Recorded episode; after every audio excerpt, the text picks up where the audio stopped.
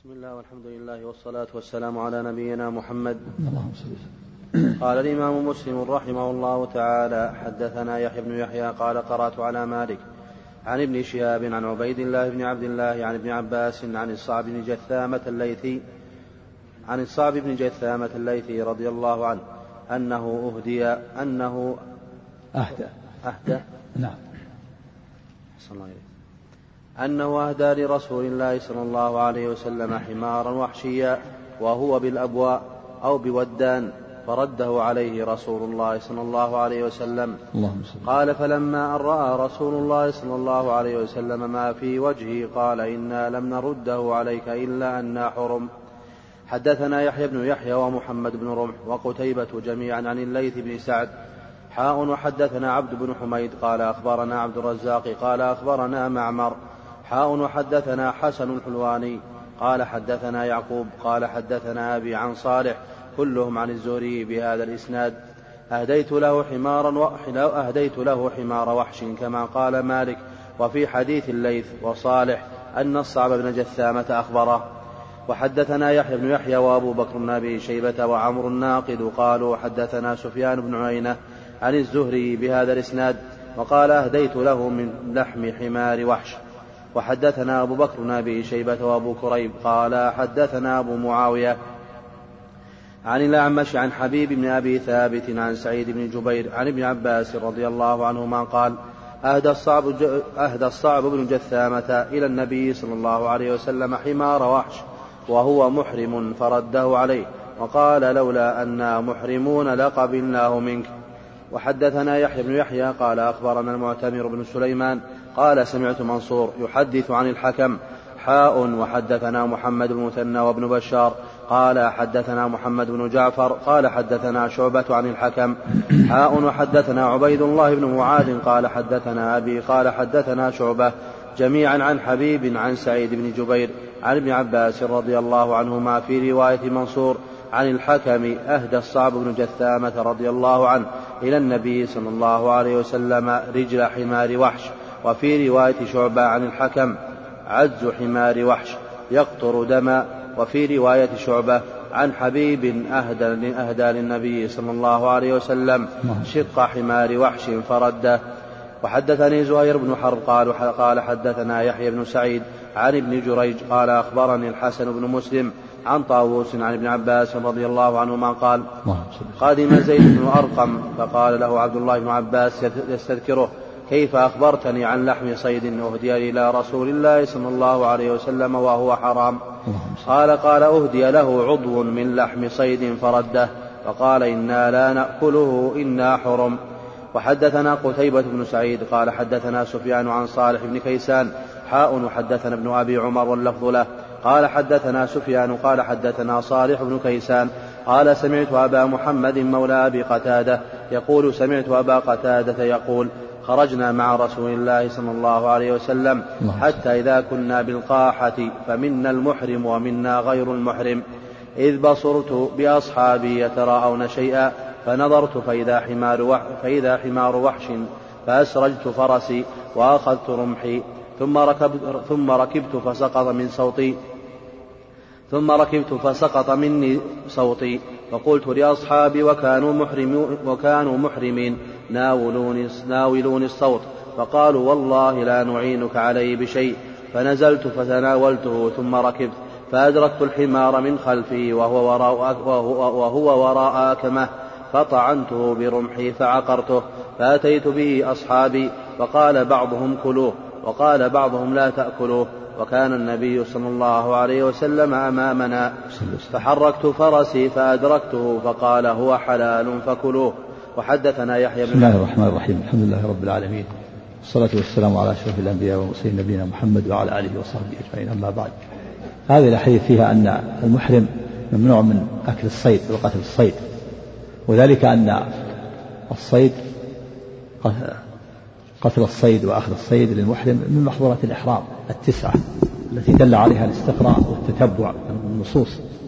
فإن المحرم إذا دخل في الإحرام بحج أو عمرة حرمت عليه تسعة أشياء. وهذه التسعة مأخوذة من الاستقراء والتتبع. تتبعها العلماء واستقرأوا النصوص فوجدوا أن محظورات الإحرام تسعة أشياء. الأمر الأول أخذ شيء من شعر الرأس سواء كان بطريق الحلق أو القص أو النتف. الثاني تقليم الأظفار. الثالث تغطية الرأس. الرابع لبس المخيط الخامس استعمال الطيب في بدنه أو ثوبه أو أكله أو شربه. السادس قتل الصيد. السابع عقد النكاح الزواج. المحرم لا يعقد النكاح لا لنفسه ولا لغيره. بل ولا يكون شاهدا. الثامن وهو أشدها وأغلظها الجماع. التاسع المباشرة مباشرة الصائم للمرأة دون الجماع. هذه تسعة أشياء دل عليها الاستقراء والتتبع للنصوص. وهذه التسعة حرام على على الرجل. أما المرأة فإنه فإنها لا يحرم عليها لبس المخيط بل تلبس المخيط لأنها عورة. وكذلك تغطي رأسها ووجهها لكن بغير النقاب. وتغطي أيضا رجليها في الشراب. لكنها لا تغطي يديها بالشراب ولا تغطي وجهها بالنقاب بالمخيط على قدر الوجه. يقول النبي صلى الله عليه وسلم لا تنتقب المرأة ولا تلبس القفازين. لكن تغطي يديها بثيابها وتغطي وجهها بخمارها إذا مر بها الرجال الأجانب لكن لا تغطي وجهها بالمخيط وهو البرقع والنقاب ولا تغطي يديها بالمخيط وهو الشراب والقفازة أو هما القفازان وأما البقية فهو مشترك. بين الرجال والنساء. الطيب والجماع والمباشرة وعقد النكاح والصيد وأخذ الشعر تقديم الأظفار هذا محرم على الرجال والنساء. في حديث الصعب بن جثامة أنه أهدى إلى النبي صلى الله عليه وسلم حمارا وحشيا. والحمار الوحشي صيد. ويشبه الحمار الأهلي لأنه متوحش الصيد. بخلاف الحمار الأهلي فإنه محرم. الحمار الأهلي الحمار اللي في البلد قال له الحمار الأهلي ويقال له الحمار الإنسي. كان مباحا ثم حرم في غزوة خيبر. ثبت أن الصحابة أصابهم جوع في غزوة خيبر فذبحوا الحمر وطبخوها وإنها تغلي بها القدور. فلما علم النبي صلى الله عليه وسلم بذلك أرسل مناديا فنادى به على صوته إن الله ورسوله ينهيانكم عن لحوم الحمر الأهلية. فأكفئت القدور وإنها لتفور بلحم الحمر الأهلية. اختلف العلماء ما السبب فيها. قال بعضهم لأنها ركوبة الناس فلو أبيح أكلها لا لانتهى مركوب الناس. وقال بعضهم لأنها جلالة قال بعضهم لأنها رجس. وهو الصواب أنها رجس لأن لأن العلة جاء النص عليها. إن الله ورسوله ينهاكم عن لحوم الحمر الأهلية فإنها رجس. أما الحمار الوحشي فصيد. الحمار المتوحش اللي في البر هذا صيد. من الصيد مباح. لكن المحرم لا يصيد لأنه من باب الترفه. المحرم شعث ليس مترفها ولا متنعما ولهذا يلبس الثياب يلبس الإزار والرداء ليكون أقرب إلى الخشوع وليتذكر الموت. يعني يلبس أكفان الموتى. وليتذكر أنه في, في هذه العبادة العظيمة ويتجنب الطيب لأن فيه ترفه ولا يخشى من شعره ولا يغطي رأسه ولا يلبس المخيط ولا يأتي النساء. هو بعيد عن الترفه ومن ذلك الصيد. الصيد فالذي يصيد مترفه والمحرم غير مترفه. ولهذا قال الله تعالى أحل لكم صيد البحر وطعامه متاعا لكم وللسيارة وحرم عليكم صيد البر ما دمتم حرما. يعني ما دمتم محرمين. وفي حديث الصحابة الإسلام قال إنا لم نرد عليك إلا أن حرم يعني محرمون. وقصة الصعب بن جثامة كانت في حجة الوداع. فإن السبب في كون النبي صلى الله عليه وسلم رد الحمار الحمار الوحشي على الصعب لأنه صاده لأجله كان رجلا مضيافا.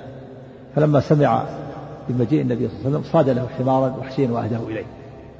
فرده النبي صلى الله عليه وسلم. ف... فكان الصعب بن الإسلام صار في نفسه شيء وظهر هذا على وجهه. فلما رأى النبي صلى الله عليه وسلم في وجهه من الكراهة قال إنا لم نرده عليك إلا أن حر كان عليه عليه الصلاة والسلام حسن الخلق. حسن الخلق يقبل الهدية. وفيه دليل على أن الإنسان إذا فعل شيئا فإنه يبين وجهه لصاحبه. وإذا رد الهدية فإنه يبين وجه ذلك. فلما رد الهدية بين له أن السبب أنه محرم والمحرم لا يأكل الصيد. فقال إنا لم نرده عليك إلا أن نحرم. ولو كنا يعني محلين لقبلناه منك. والمحرم لا يأكل الصيد إذا كان حيا. وفي هذه الروايات أنه دلم حمارا حيا. في بعض الروايات أنه رجل حمار أو عجز حمار أو شق حمار أو عضو حمار يعني يعني صاده وأعطاه جزءا منه وصاده لأجله. والمحرم ما يأكل الصيد إذا صيد لأجله ولا يقبل الصيد إذا كان حلالا أي إذا كان حيا. أما إذا صاد الحلال المح... الصيد صاده لا لا لا للمحرم واهد إليه فإنه لا بأس أن يأكل منه. كما في قصة أبي قتادة. قصة أبي قتادة رضي الله عنه كانت في غزوة عمرة الحديبية سنة ست من الهجرة. فإن بعض فإن أبا قتادة ذهب مع بعض أصحابه بعضهم محرم وبعضهم لم يحرم. وأبو قتادة لم يحرم. والصحابة يعلمون أن الصيد لا ممنوع منه محرم. فرعوا حمارا حمار وحش. فجعل الصحابة يتراءون ينظرون إليه. وأبو قتادة حلال ليس بمحرم. وفي رواية أنهم وفي لفظ أنهم جعلوا يضحكون. يعني أنه قريب منهم وهو حرام عليهم. فانتبه أبو قتادة. وكان حلالا. فركب فرسه وسقط رمحا فقالوا ناولوني. الروح قالوا والله لا لا نعينك بشيء. نحن محرمون وانت وأنت حلال. والمحرم لا يعين المحرم. لا يعين المحرم لا يعين الحلال على قتل الصيد ولهذا بوب البخاري رحمه الله باب إذا ضحك الحلال ففاطن له المحرم. لا باب ضحك المحرم ففاطن له الحلال. أو قريب من الترجمة.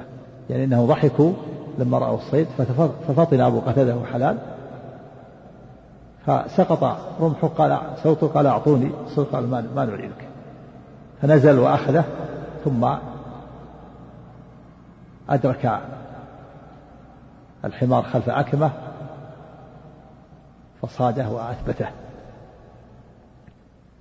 فلما جاء به إليهم وما ما صاده لاجلهم قالوا تحرج بعضهم قال بعضهم حلو قال بعضهم مخلوق ثم ذهب إلى النبي صلى الله عليه وسلم وأخبره.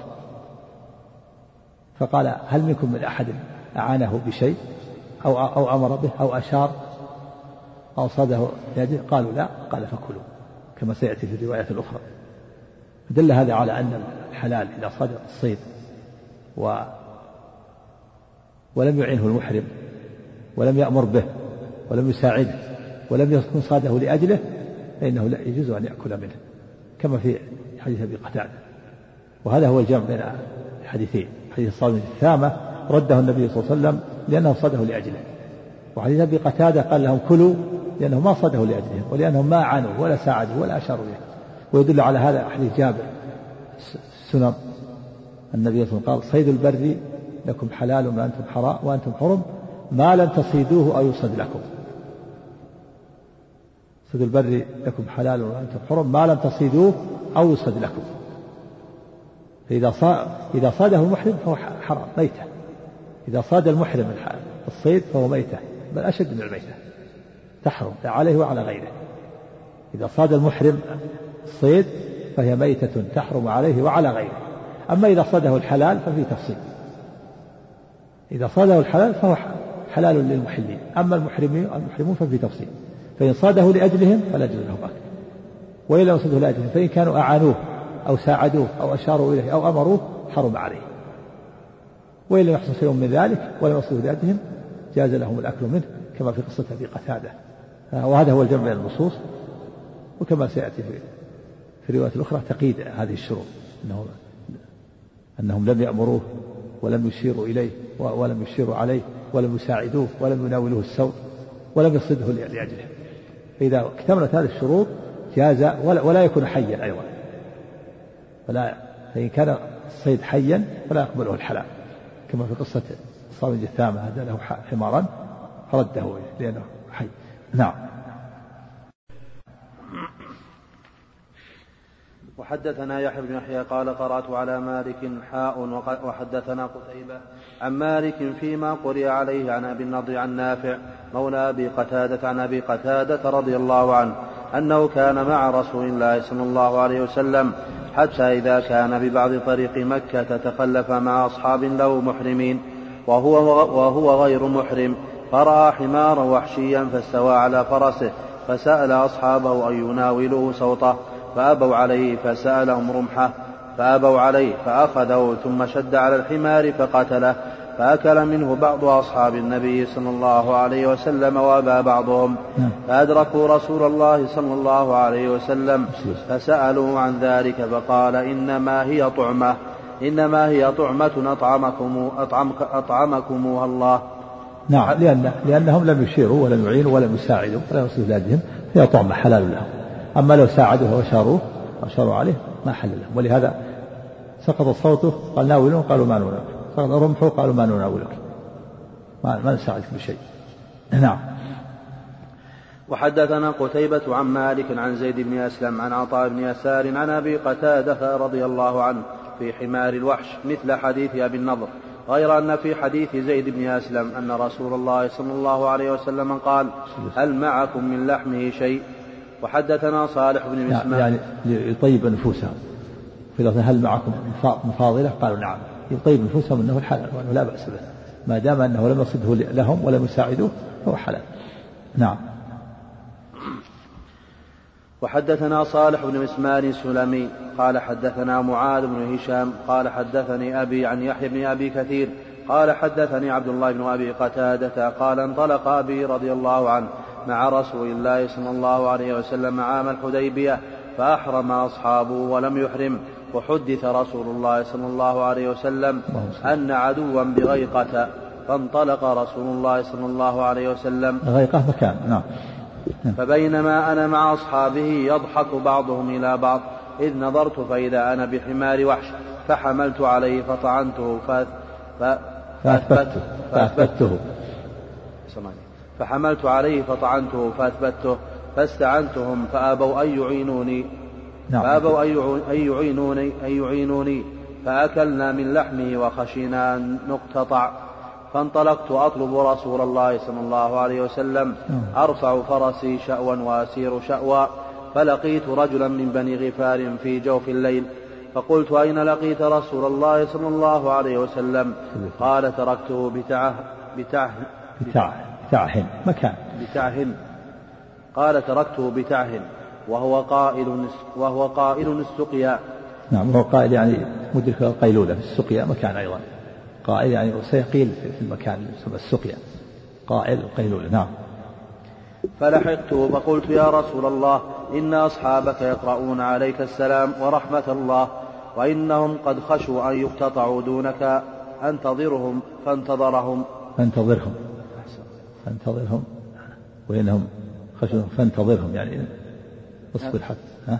انتظرهم نعم. فانتظرهم. هكذا يحصل كذا فن. إن وإنهم قد خشوا أن يقتطعوا دونك انتظرهم فانتظرهم. نعم. الأولى انتظرهم والثانية فانتظرهم. نعم. فقلت يا رسول الله إني أصدت ومعي منه فاضلة. فقال النبي صلى الله عليه وسلم للقوم كلوا وهم محرمون. نعم هذا فيه فيه بيان أن يكون المحرم إذا ضحك لا يعتبر إشارة كونه يرى يرى الصيد ثم يضحك ما يعتبر إعانة. ولهذا ضحكوا ففطن ففطن أبو قتادة. ولهذا باب باب إذا ضحك المحرم ففطن له الحلال. إذا ضحك المحرم لأنه يرى الصيد ما ما يعتبر هذا إعانة ثم تفطن من الضحك تفطن الحلال فقاتل ما يعتبر إعانة. ولهذا لما أمرهم أن يساوله الصوت امتنعوا أو يشيروا عليه. وهذا غير الإشارة بخلاف ما إذا أشار قالوا انظر الصيد. هذا يعتبر إشارة هذه إعانة. أو أو أعطوه الصوت أو ناولوه أو ساعدوه بشيء هذا من النصوص يفسر بعضها بعضا الروايات تفسر بعضها بعضا. أما مجرد الضحك فلا أمر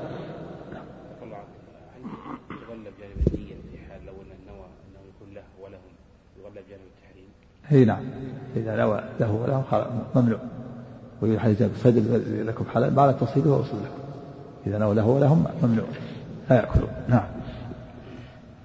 حدثني أبو كامل الجحدري قال حدثنا أبو عوانة عن عثمان بن عبد الله بن موهب عن عبد الله بن أبي قتادة عن أبيه رضي الله عنه قال خرج رسول الله صلى الله عليه وسلم حاجا وخرجنا معه. قال فصرف مني فقال فصرف من أصحابه فيهم أبو قتادة فقال خذوا ساحل البحر حتى تلقوني. خرج من حاجا هكذا؟ نعم هو معتبر في يمكن غلب تكلم عن الشهر الحاجة هو معتبر في الحديبية في صلح الحديبية لكن غلب غلب العمرة على الحج أو أن العمرة حج أصغر خرج معتمرا نعم. ما تكلم عليه؟ نعم وفي التعليق. نعم. حديث قبل عام الحديبية. نعم هو عام الحديبية كلمة حاجة يعني لأن العمرة حج أصغر وإلا هو معتبر. سماها حاجة لأن العمرة حج أصغر نعم. قال خرج رسول الله صلى الله عليه وسلم حاجا وخرجنا معه. قال فصرف من أصحابه فيهم أبو قتادة. فقال خذوا ساحل البحر حتى تلقوني. قال فأخذوا ساحل البحر. فلما انصرفوا خالفوا قال لهم خالفوا. فقال خذوا ساحل البحر حتى نعم. تلقوني. نعم. قال فأخذوا ساحل البحر. فلما انصرفوا قبل رسول الله صلى الله عليه وسلم أحرموا كلهم إلا أبو قتادة فإنه لم يحرم. فبينما هم يسيرون إذ رأوا حمر, إذ رأوا حمر وحش فحمل عليها أبو قتادة. فعقر منها أتانا فنزلوا فأكلوا من لحمها. قال فقالوا أكلنا لحما أكلنا لحما ونحن محرمون. قال فحملوا ما بقي من لحم الأتان. فلما أتوا رسول الله صلى الله عليه وسلم قالوا يا رسول الله إنا كنا أحرمنا وكان أبو قتادة لم يحرم. فرأينا حمر وحش فحمل عليها أبو قتادة فعقر منها أتانا. فنزلنا فأكلنا من لحمها. فقلنا فأكل لحم صيد ونحن محرمون. فقلنا. فقلنا فأكل لحم صيد ونحن فأكل نأكل فقلنا نأكل لحم صيد. نعم. فقلنا نأكل لحم لحم صيد ونحن محرمون. فحملنا ما بقي من لحمها. فقال هل منكم هل منكم أحد أمره أو أشار إليه بشيء؟ قال قالوا لا. قال فكلوا ما بقي من لحمها. نعم هذا قيد هل منكم أحد من أمره بشيء؟ أو أشار. أو أشار. فدل على أنه لو لو أمره أحد أو أشار إليه فلا يأكله. النصوص قيد بعضهم. قيد. لابد بشرط أن لا يأمر الحلال ولا يشير ولا يعين ولا ينع حتى ولا مناولة الصوت أما مجرد الضحك فلا يضر. نعم.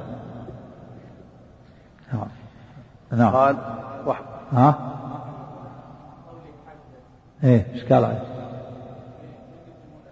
ها؟ نعم من من هو الحاشية نعم إيش قال عليه؟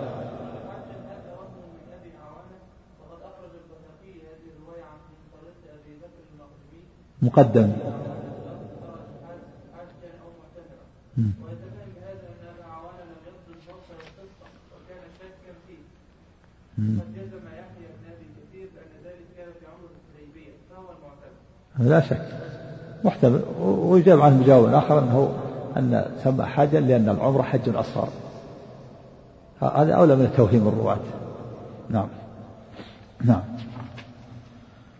وحدث وحدثنا محمد مثنى قال حدثنا محمد بن جعفر قال حدثنا شعبة حاء وحدثني قاسم بن زكريا قال حدثنا عبيد الله عن شيبان جميعا عن عثمان بن عبد الله بن موهب بهذا الإسناد في رواية شيبان فقال رسول الله صلى الله عليه وسلم أمنكم أحد أمره أن يحمل عليها أو أشار إليها؟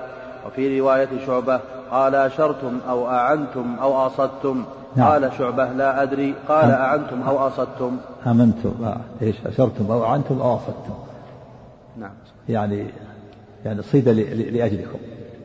يعني أشرتم إذا كان في إشارة أشار أشاروا إليه. أو أعنتم أعان بأي شيء ولا بنوة السوق أو أصدتم يعني صيد لأجلكم يعني. فانتفت هذه الأمور الثلاثة؟ قالوا لا قال كلوا. ما أشاروا ولا أعانوا ولا صاده لأجلهم. نعم. هذه شروط. ويدل على هذا حديث جابر. صيد البر لكم حلال وأنتم حرم ما لم تصيدوه أو يصد لكم. نعم. ما الضحك ما يضر الضحك. ما النية لا يعلم بها إلا الله. نعم. حدثنا عبد الله بن عبد الرحمن الدارمي قال أخبرنا يحيى بن حسان قال حدثنا معاوية وهو ابن سلام قال أخبرني يحيى قال أخبرني عبد قال أخبرني عبد الله بن أبي قتادة أن أباه رضي الله عنه أخبره أنه غزا مع رسول الله صلى الله عليه وسلم غزوة الحديبية. قال فأهلوا بعمرة بعمرة غيري. قال فاصطدت حمار وحش فأطعمت أصحابي وهم محرمون. ثم أتيت رسول الله صلى الله عليه وسلم فأنبأته أن عندنا من لحمه فاضلة وقال كلوه وهم محرمون. حدثنا أحمد بن عبدة الضبي قال حدثنا فضيل بن سليمان النميري قال حدثنا أبو حازم عن عبد الله بن أبي قتادة عن أبيه رضي الله عنه أنهم خرجوا مع رسول الله صلى الله عليه وسلم وهم محرمون. وأبو قتادة محل وساق الحديث وفيه فقال هل معكم منه شيء؟ قالوا معنا رجل معنا رجله. قال فأخذها رسول الله صلى الله عليه وسلم فأكلها. من باب التطيب تطيب لنفوسهم قال معكم شيء؟ قالوا معنا رجل فأخذه طيب نفوسهم وبين لهم يبين لهم أنه حلال وأنه لا شيء فيه. حتى النبي أكل عليه الصلاة والسلام. نعم. وحدثناه أبو بكر بن أبي شيبة قال حدثنا أبو الأحوص. حاء حدثنا قتيبة وإسحاق عن جرير. كلاهما كلاهما عن عبد العزيز بن رفيع. عن عبد الله بن أبي قتادة قال كان أبو قتادة في نفر محرمين وأبو قتادة محل واقتص الحديث وفيه قال هل أشار إليه إنسان منكم أو أمره بشيء؟ قالوا لا يا رسول الله. قال فكلوا. حدثني زهير بن حرب قال حدثنا يحيى بن سعيد عن أبي جريج قال أخبرني محمد المنكدر عن معاذ بن عبد الرحمن بن عثمان التيمي عن أبيه قال كنا مع طلحة بن عبيد الله ونحن حرم. فأهدي له طير وطلحة راقد فمنا من أكل ومنا من تورع. فلما استيقظ طلحة وفق من وفق من أكله وقال أكلناه مع رسول الله صلى الله عليه وسلم. وهذا طلحة بن عبيد الله وهو أحد العشرة المبشرين بالجنة. طيب وفق يعني يعني أقر على ذلك. وأخبره بأنه وافق الصواب. وأنه لا بأس بأكله وهذا محمول على أنهم لم لم يعينوه ولم يشيروا ولم يشيروا ولم يصد لأجله نعم. حدثنا هارون بن سعيد الأيلي وأحمد بن عيسى قال أخبرنا ابن وهب قال أخبرني مخرمة بن بكير عن أبيه قال سمعت قال سمعت عبيد الله بن مقسم يقول سمعت القاسم بن محمد يقول سمعت عائشة رضي الله عنها زوج النبي صلى الله عليه وسلم تقول سمعت رسول الله صلى الله عليه وسلم يقول أربع كلهن فاسق.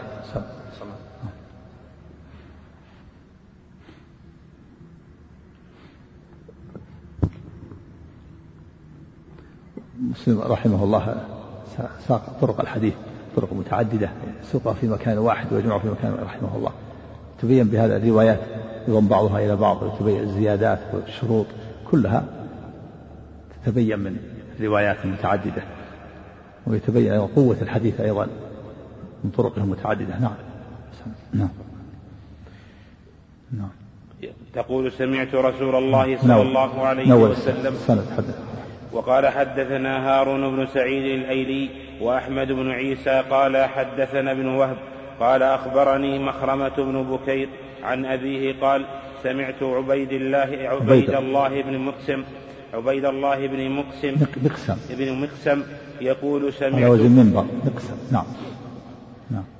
يقول قال سمعت عبيد الله بن مقسم يقول سمعت القاسم بن محمد يقول, بن محمد يقول سمعت عائشة رضي الله عنها زوج النبي صلى الله عليه وسلم تقول سمعت رسول يقول أربع كلهن فواسق يقتلن في الحل والحرم الحدأة والغراب وال الحدأة. الحدأة والغراب والفأرة والكلب العقور. نعم قال الرابع سيأتي الرابع الخامس هو العقرب. نعم. قال فقلت للقاسم أفرأيت الحية؟ قال تقتل بصغر لها. يعني إذلال لها وهي ذليلة. وقال حدثنا أبو بكر بن أبي شيبة قال حدثنا غندر عن شعبة حاء وحدثنا ابن المثنى وابن بشار قال حدثنا محمد بن جعفر قال حدثنا شعبة قال سمعت قتادة رضي الله عنه يحدث عن سعيد بن المسيب عن عائشة رضي الله عنها عن النبي صلى الله عليه وسلم أنه قال خمس خمس فواسق يقتلن في الحل والحرم. خمس فواسق. خمس فواسق يقتلن في الحل والحرم. الحية والغراب الأبقع والفأرة والفأرة والكلب العقور والحدية. وهي الحدعة. وهذه الخمس تقتل في الحل والحرم لأنها فواسق بسبب الفواسق. والفسق معناه هو الخروج. الخروج عن عن الشيء سميت فاسق لأنها خرجت عن طبيعة غيرها بالإيذاء حل قتلها في الحل وفي الحرم وأصل الفسق الخروج ومنه فسقة الرطبة إذا خرجت فتحت. ومنه الفاسق يسمى الفاسق هو العاصي الذي خرج عن طاعة الله بعصيانه. فهذه الخمس تخفي الحي والحرم بكونها مؤذية خرجت عن طريق غيرها بالإيذاء. الفأرة آه، تؤذي وتخرب الأشياء في البيت. والعقرب كذلك تلدغ والحية تقرأ تلدغ والكلب العقور كذلك يعقر الناس ويؤذيهم. والغراب يأكل آه، السنبل سنبل الزرع وينقض الدبرة التي في ظهر البعير الجرح يعيد الجرح من جديد. فاسق. فهذه لما كانت فاسق لما خرجت عن طبيعة غيرها بالإيذاء حل قتلها في الحل والحرم. ويلحق بذلك أيضا الحي والحدية أيضا كذلك وهي طائر معروف. آه، ينزل ويأخذ يسرق بعض الأشياء من الأرض ويخطف اللحم وغيره. وكذلك أيضا جاء في بعضها السبع السبع العادي والحية كذلك في بعضها الحية وبعضها العقرب. ويقاس عليه كل كل مؤذي العقرب والفأرة والحدية يقول حدة ويقول الحدية. فأرة والحية والعقرب والكلب العقور والحداء والغراب كلهم مؤذية هذه. ولهذا سر فاسق في الحل لا حرمة لها في الحل والحرم. نعم. وقال حدثنا أبو الربيع الزهراني قال حدثنا حماد بن زيد قال حدثنا هشام بن عروة عن أبيه عن عائشة رضي الله عنها قالت قال رسول الله صلى الله عليه وسلم خمس, فوا خمس, خمس فواسق يقتلن في الحرم العقرب والفأرة والحديا والغراب والكلب العقور. وقال حدثنا أبو بكر بن أبي شيبة وأبو كريب قال حدثنا ابن نمير قال حدثنا هشام بهذا الإسناد وقال حدثني عبيد الله بن عمر القواريري قال حدثنا يزيد بن زريع قال حدثنا معمر عن الزهري عن عروة عن عائشة رضي الله عنها قالت قال رسول الله صلى الله عليه وسلم خمس فواسق يقتلن في الحرم الفأرة والعقرب والحديا والغراب والكلب العقور. قال وحدثنا عبد بن حميد قال أخبرنا عبد الرزاق قال أخبرنا معمر عن الزهري بهذا الإسناد قال أمر رسول الله صلى الله عليه وسلم بقتل خمس فواسق في الحل والحرم ثم ذكر بمثل حديث يزيد بن زريع. وقال حدثني أبو الطاهر وأبي الطاهر وحرملة قال أخبرنا ابن وهب أخبرني قال أخبرني يونس يونس عن ابن شهاب عن عروة بن الزبير عن عائشة رضي الله عنها. قالت قال رسول الله صلى الله عليه وسلم خمس من الدواب كلها فاسق تقتل في الحرم الغراب والحدأة والكلب والحدأة نعم. والحدأة والكلب العقور والعقرب والفأرة. يعني يقتلها المحرم وتقتل في الحرم أيضا. الصيد الحرم معروف أن الصيد ما ما يقتل لكن هذه فاسق تقتل حتى في الحرم وحتى المحرم والحلال كله يقتلها لفسقها نعم. بلى كل مؤذي المؤذي مثل الذباب ومثل البعوض وما أشبه ذلك. نعم نعم. كأنه يعني له له خصوصية. تكلم عليها في الشارع تكلم على الحاشية مثلا غراب الأبقع. نعم. ولكن الحادثة الأخرى ليس فيها تقييد لكن كان كان الأبقع له.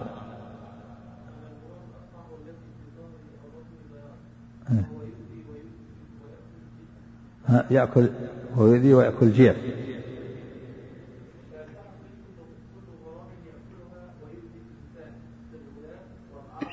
إيش؟ إيش؟ في إيش فيلحق بها؟ إيش؟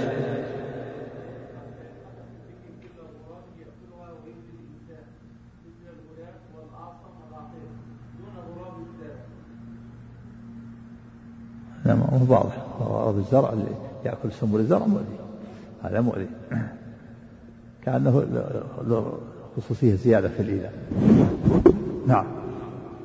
قال وحدثني زهير بن حرب وابن عمر وابن أبي عمر جميعا عن ابن عيينة قال زهير قال حدثنا سفيان بن عيينة عن الزهري عن سالم عن أبيه رضي الله عنه عن النبي صلى الله عليه وسلم قال خمس لا جناح على من قتلهن في الحرم والإحرام الفأرة والعقرب والغراب والحدأة والكلب العقور.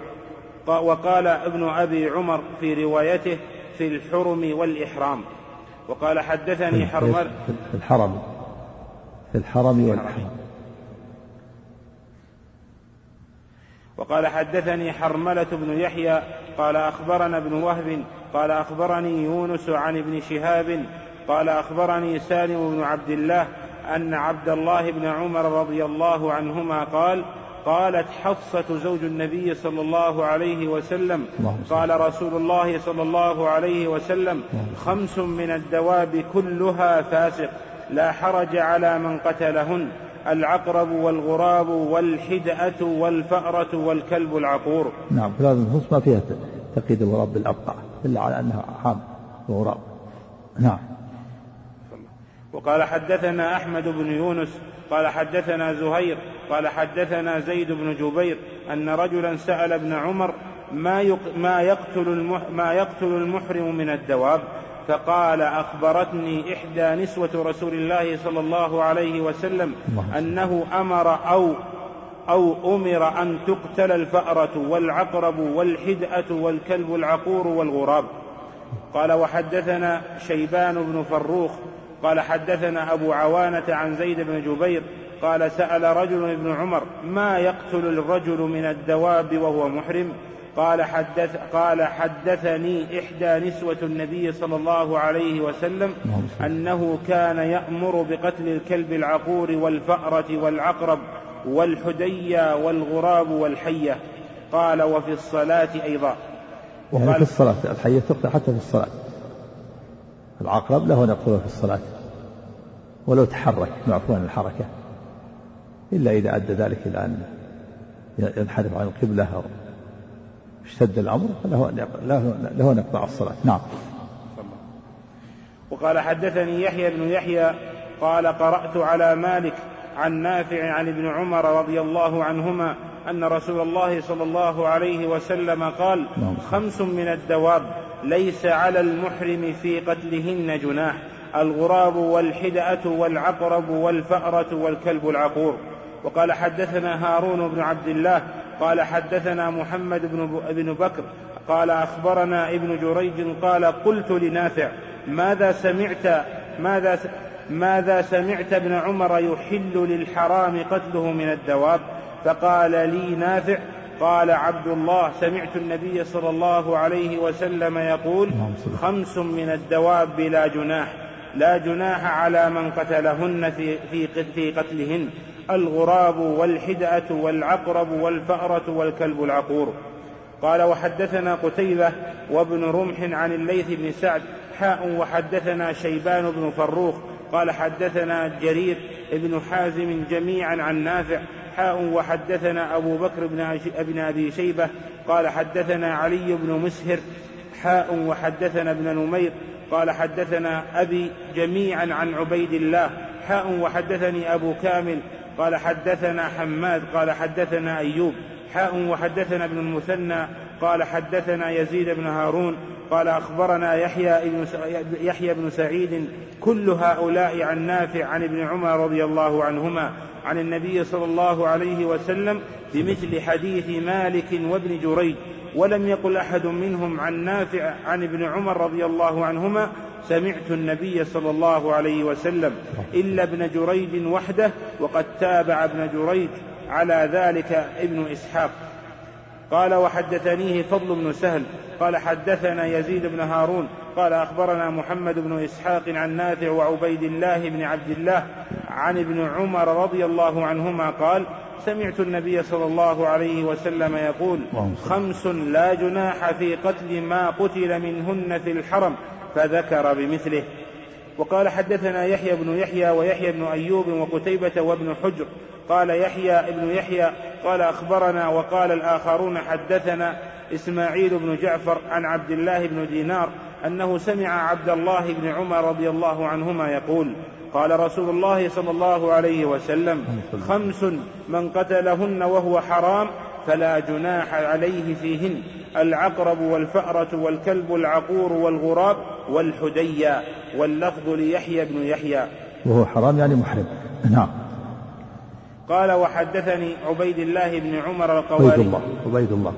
وقال حدثني عبيد الله بن عمر القواريري قال حدثنا حماد يعني ابن زيد عن, أب عن, عن أيوب حاء وحدثني أبو أبو الربيع قال حدثنا حماد قال حدثنا أيوب قال سمعت مجاهدا يحدث عن عبد الرحمن بن أبي ليلى عن كعب بن عجرة رضي الله عنه قال أتى علي رسول الله صلى الله عليه وسلم زمن الحديبية وأنا أوقد تحت وأنا أوقد تحت قال تحت قال القواريري قدر لي. وقال أبو الربيع بر بر برمة لي والقمل يتناثر على وجهي فقال أيؤذيك هوام رأسك؟ قال قلت نعم. قال فأح قال فاحلق وصم ثلاثة أيام أو أطعم ستة مساكين أو انسك نسيكه. قال أيوب فلا أدري بأي ذلك بدأ. قال حدثني علي بن حجر السعدي وزهير بن حرب ويعقوب بن إبراهيم جميعا عن, عن ابن علية عن أيوب في هذا الإسناد بمثله. وقال حدثنا محمد بن المثنى قال حدثنا ابن أبي عدي عن ابن عوان عن عن ابن عون عن مجاهد عن عبد الرحمن بن أبي ليلى عن كعب بن عجرة رضي الله عنه. قال في أنزلت هذه الآية فمن كان منكم مريضا أو به أذى من رأسه ففدية من صيام أو صدقة أو نسك قال فأتيته فقال أدنه فدنوت فقال أدنه فدنوت فقال صلى الله عليه وسلم أيؤذيك هوامك قال ابن عون فأظنه؟ قال نعم. قال فأمرني بفدية من صيام أو صدقة أو نسك ما تيسر. قال وحدثنا ابن نمير قال حدثنا أبي قال حدثنا سيف قال سمعت مجاهدا يقول حدثني عبد الرحمن بن أبي ليلى قال حدثني كعب بن عجرة رضي الله عنه أن رسول الله صلى الله عليه وسلم وقف عليه ورأسه يتهافت قملا فقال أيؤذيك هوامك قلت نعم قال فاحلق رأسك. قال ففي نزلت هذه الآية فمن كان منكم مريضا أو به أذى من رأسه ففدية من صيام أو صدقة أو نسك. فقال لي رسول الله صلى الله عليه وسلم صم ثلاثة أيام أو تصدق بفرق بين ستة مساكين أو تصدق بفرق نعم. أو تصدق بفرق بين ستة مساكين أو ينسك ما تيسر. نعم هذه كتاب عجرة فيه دليل على أن المحرم إذا احتاج إلى فعل محظور فإنه يفعله ولا إثم عليه لكن عليه الفدية. إذا احتاج إلى فعل محظور فإنه يفعل هذا المحظور ولو كان متعمدا لكن عليه الفدية ولا يأثم. أما من فعله لغير لغير حاجة فإنه يأثم وعليه الفدية. والفدية بين الله تعالى قول ففدة من صيام أو صدقة أو نسك. هذا كعب بن عجرة أمره النبي صلى الله عليه وسلم أن يحلق رأسه. لأنه يؤذي هوام رأسه. القمر أمره أن يحلق رأسه وقال وأنزل الله تعالى فمن كان منكم مريضا أو به أذى من رأسه ففدية من صيام أو صدقة أو سكر.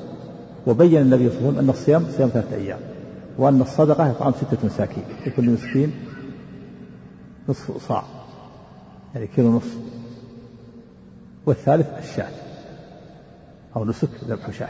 مخير بين أن يذبح شاة في مكة يوزعها أو يطعم ستة مساكين كل مسكين نصف صاع من قوت البلد أو يصوم ثلاثة أيام. فإذا كان في رأسه جروح واحتاج إلى حلق الشعر للمداواة يحلق رأسه حتى يداوي الجروح وهو محرم ويصوم ثلاثة أيام أو يذبح شاة أو يطعم ستة مساكين. وكذلك لو لو كان لا يتحمل البرد يحتاج إلى أن يلبس الثوب يلبس جبة أو فنيلة. كما في هذه الأيام الحج في وقت البرد في هذه السنين السنوات الأخيرة فإذا احتاج إلى أو احتاج إلى تغطية رأسه ما يتحمل يغطي رأسه وعليه الفدية. يذبح شاة أو يطعم ستة مساكين أو يصوم ثلاثة أيام بالخيار. يختار الأسهل عليه. في بعض الروايات النبي بدأ بالأسهل قال صم ثلاثة أيام. وفي بعضها أنه قال ألا تجد نسكا أو بدأ بالشاة المقصود أنه مخير والله تعالى بين في كتابه والنبي فصل وضح الله تعالى ففيدة من صيام أو صدقة أو نسك. ثم بينت السنة. بين النبي أن الصيام ثلاثة أيام. وبين أن الصدقة ستة مساكين. وبين النسك ربع شاة. السنة بينت الآية. نعم. نعم. في, في أي وقت؟ في أي وقت؟ ما في الحج هذا في في هدي التمتع. أما هذا في أي وقت في أي مكان. الذبح والإطعام في مكة إذا كان في مكة. والصيام في أي مكان. لا ما يزن ما يزن ما يزن نعم. نعم.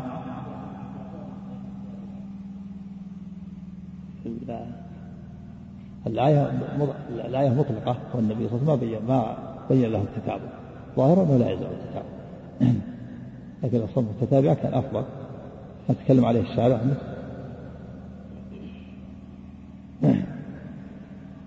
ظاهر السنة أنه لا يلزم التتابع لو كان واجب لبين له النبي صلى الله عليه وسلم. والله تعالى ما قيد التتابع ولما قيد لما كان التتابع واجبا فيه كفارة اليمين قال جاء في السنة في بعض القراءات السنة أيام متتابعات في قراءة ابن مسعود. نعم. بين. بينت السنة أنه لا بد يجزي في الأضحية نعم. نعم. قال وحدثنا محمد بن أبي عمر. قال حدثنا سفيان عن ابن أبي نجيح وأيوب وحميد وعبد كريم عن مجاهد عن ابن أبي ليلى عن كعب بن عجرة رضي الله عنه أن النبي صلى الله عليه وسلم مر به وهو بالحديبية قبل أن يدخل مكة وهو محرم وهو يوقد تحت قدر والقمل يتهافت على وجهه فقال أيؤذيك هوام هذا؟ قال نعم. قال فاحلق رأسك وأطعم, وأطعم فرقا بين ستة مساكين والفرق ثلاثة آصع أو صم ثلاثة أيام أو انسك نسكا. قال ابن أبي نجيح أو اذبح شاة. قال وحدثنا يحيى بن يحيى. قال أخبرنا خالد بن عبد الله عن خالد عن خالد الحذاء عن أبي قلابة عن عبد الرحمن بن أبي ليلى عن كعب بن عجرة رضي الله عنه أن رسول الله صلى الله عليه وسلم مر به زمن الحديبية فقال له آذاك هوام رأسك؟ قال نعم. فقال له النبي صلى الله عليه وسلم احرق رأسك ثم اذبح شاة نسكا أو صم ثلاثة أيام أو أطعم ثلاثة آصع من تمر على على ستة مساكين. كل مسكين نصف صاع يعني. آصع نعم وهذا هو الأصل. الأصل في أن من فعل محظورا عليه الفدية هذا هو حديث كعب بن عجل هذا هو الأصل في حلق الرأس.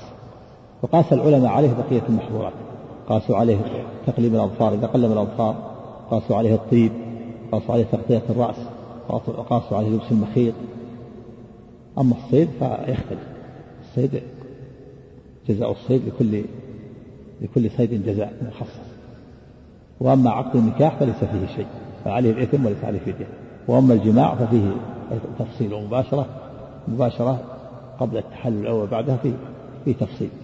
نعم لكن الأشياء الخمسة هذه حلق الرأس تقليم الأظفار تغطية الرأس ولبس المخيط والطين حكمه واحد. إذا فعل واحدا منها متعمدا فإنه يأثم عليه الفدية ومحتاجا لا يأثم عليه الفدية وناسيا أو جاهلا في الصوم فليس عليه شيء. نعم. نعم موجود في الحرم. وإذا كان في الطريق في الطريق. إذا كان فعل هذا في الطريق قبل أن يصل الحرم في الطريق. له أن يدفعه في الطريق. محظور. نعم. ما يلزم إلا إذا كان في الحرم. نعم. إنما هذا في الهدي التمتع. هدي وما نعم.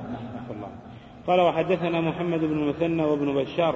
قال ابن المثنى قال حدثنا محمد بن جعفر قال حدثنا شعبة عن عبد الرحمن الأصبهاني عن عبد الله بن معقل قال قعدت إلى إلى كعب بن عجرة رضي الله عنه وهو في المسجد فسألته عن هذه الآية ففدية من صيام أو صدقة أو نسك فقال كعب رضي الله عنه نزلت في كان بي أذى من رأسي فحملت إلى رسول الله صلى الله عليه وسلم والقمل يتناثر على وجهه فقال ما كنت أرى أن الجهد بلغ منك ما أرى أتجد شاة؟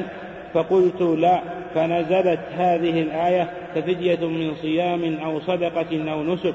قال صو قال صوم ثلاثة أيام أو إطعام ستة مساكين نصف صاع. طعاما لكل مسكين. قال فنزلت في خاصة وهي, وهي لكم عامة. قال وحدثنا أبو بكر بن أبي شيبة قال حدثنا عبد الله بن نمير عن زكريا بن أبي زائدة قال حدثنا عبد الرحمن الأصبهاني قال حدثني عبد الله بن معقل قال حدثني كعب بن عجرة رضي الله عنه أنه خرج مع النبي صلى الله عليه وسلم محرما فقمل رأسه ولحيته فبلغ ذلك النبي صلى الله عليه وسلم. قمل يعني أصابه القمل نعم. نعم. فأرسل إليه فدعا الحلاق فحلق رأسه ثم قال له هل عندك نسك؟ قال ما أقدر عليه. فأمره أن يصوم ثلاثة أيام أو يطعم ستة مساكين لكل مسكين نصف صاع. فأنزل الله عز وجل فيه خاصة فمن كان منكم مريضا أو به أذى من رأسه ثم كانت للمسلمين عامة. قال حدثنا أبو بكر بن أبي شيبة وزهير بن حرب وإسحاق بن إبراهيم قال إسحاق أخبرنا وقال الآخرون حدثنا سفيان بن عيينة عن عمرو بن عن طاووس وعطاء عن ابن عباس رضي الله عنهما أن النبي صلى الله عليه وسلم احتجم وهو محرم. قال وحدثنا أبو بكر بن أبي شيبة قال حدثنا المعلى بن منصور قال حدثنا سليمان بن بلال عن علقمة عن عبد الرحمن الأعرج عن ابن بحينة أن النبي صلى الله عليه وسلم احتجم بطريق مكة وهو محرم وسط رأسه. نعم هذا في دليل على المحرم إذا احتاج إلى الحجامة لا بأس في الرأس.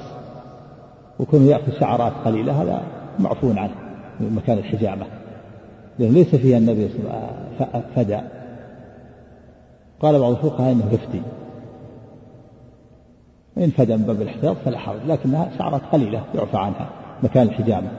أما قول الفقهاء إنه إذا أخذ ثلاث شعرات فإن عليه الفدية هذا اجتهاد اجتهاد إذا يدل هذا هذا النص على أنه لا ليس بواجب اجتهاد في غير محله الفقهاء يقولون إذا أخذ شعرة يطعم مسكين وشعرتين مسكين وثلاث شعرات يذبح شعر النبي صلى الله عليه وسلم احتجم. معلوم أن الحجام في رأسه وسط رأسه لابد يأخذ شيء من الشعرات وليس فيه أنه أطعم أو أنه فدى فدل على أنه معفو عنه الشعرات اليسيرة. وإن فدى من باب الاحتياط فلا حرج. نعم. نعم. قال نعم. قال حدثنا أبو بكر بن أبي شيبة وعمر بن الناقد وزهير بن حرب جميعا عن ابن عيينة قال أبو بكر قال حدثنا سفيان بن عيينة قال حدثنا أيوب بن موسى عن نبيه بن وهب قال قال خرجنا مع أبان بن عثمان حتى إذا كنا بملل بركة. نعم. إيه هذا الحنابلة يفرقون. قول ضعيف.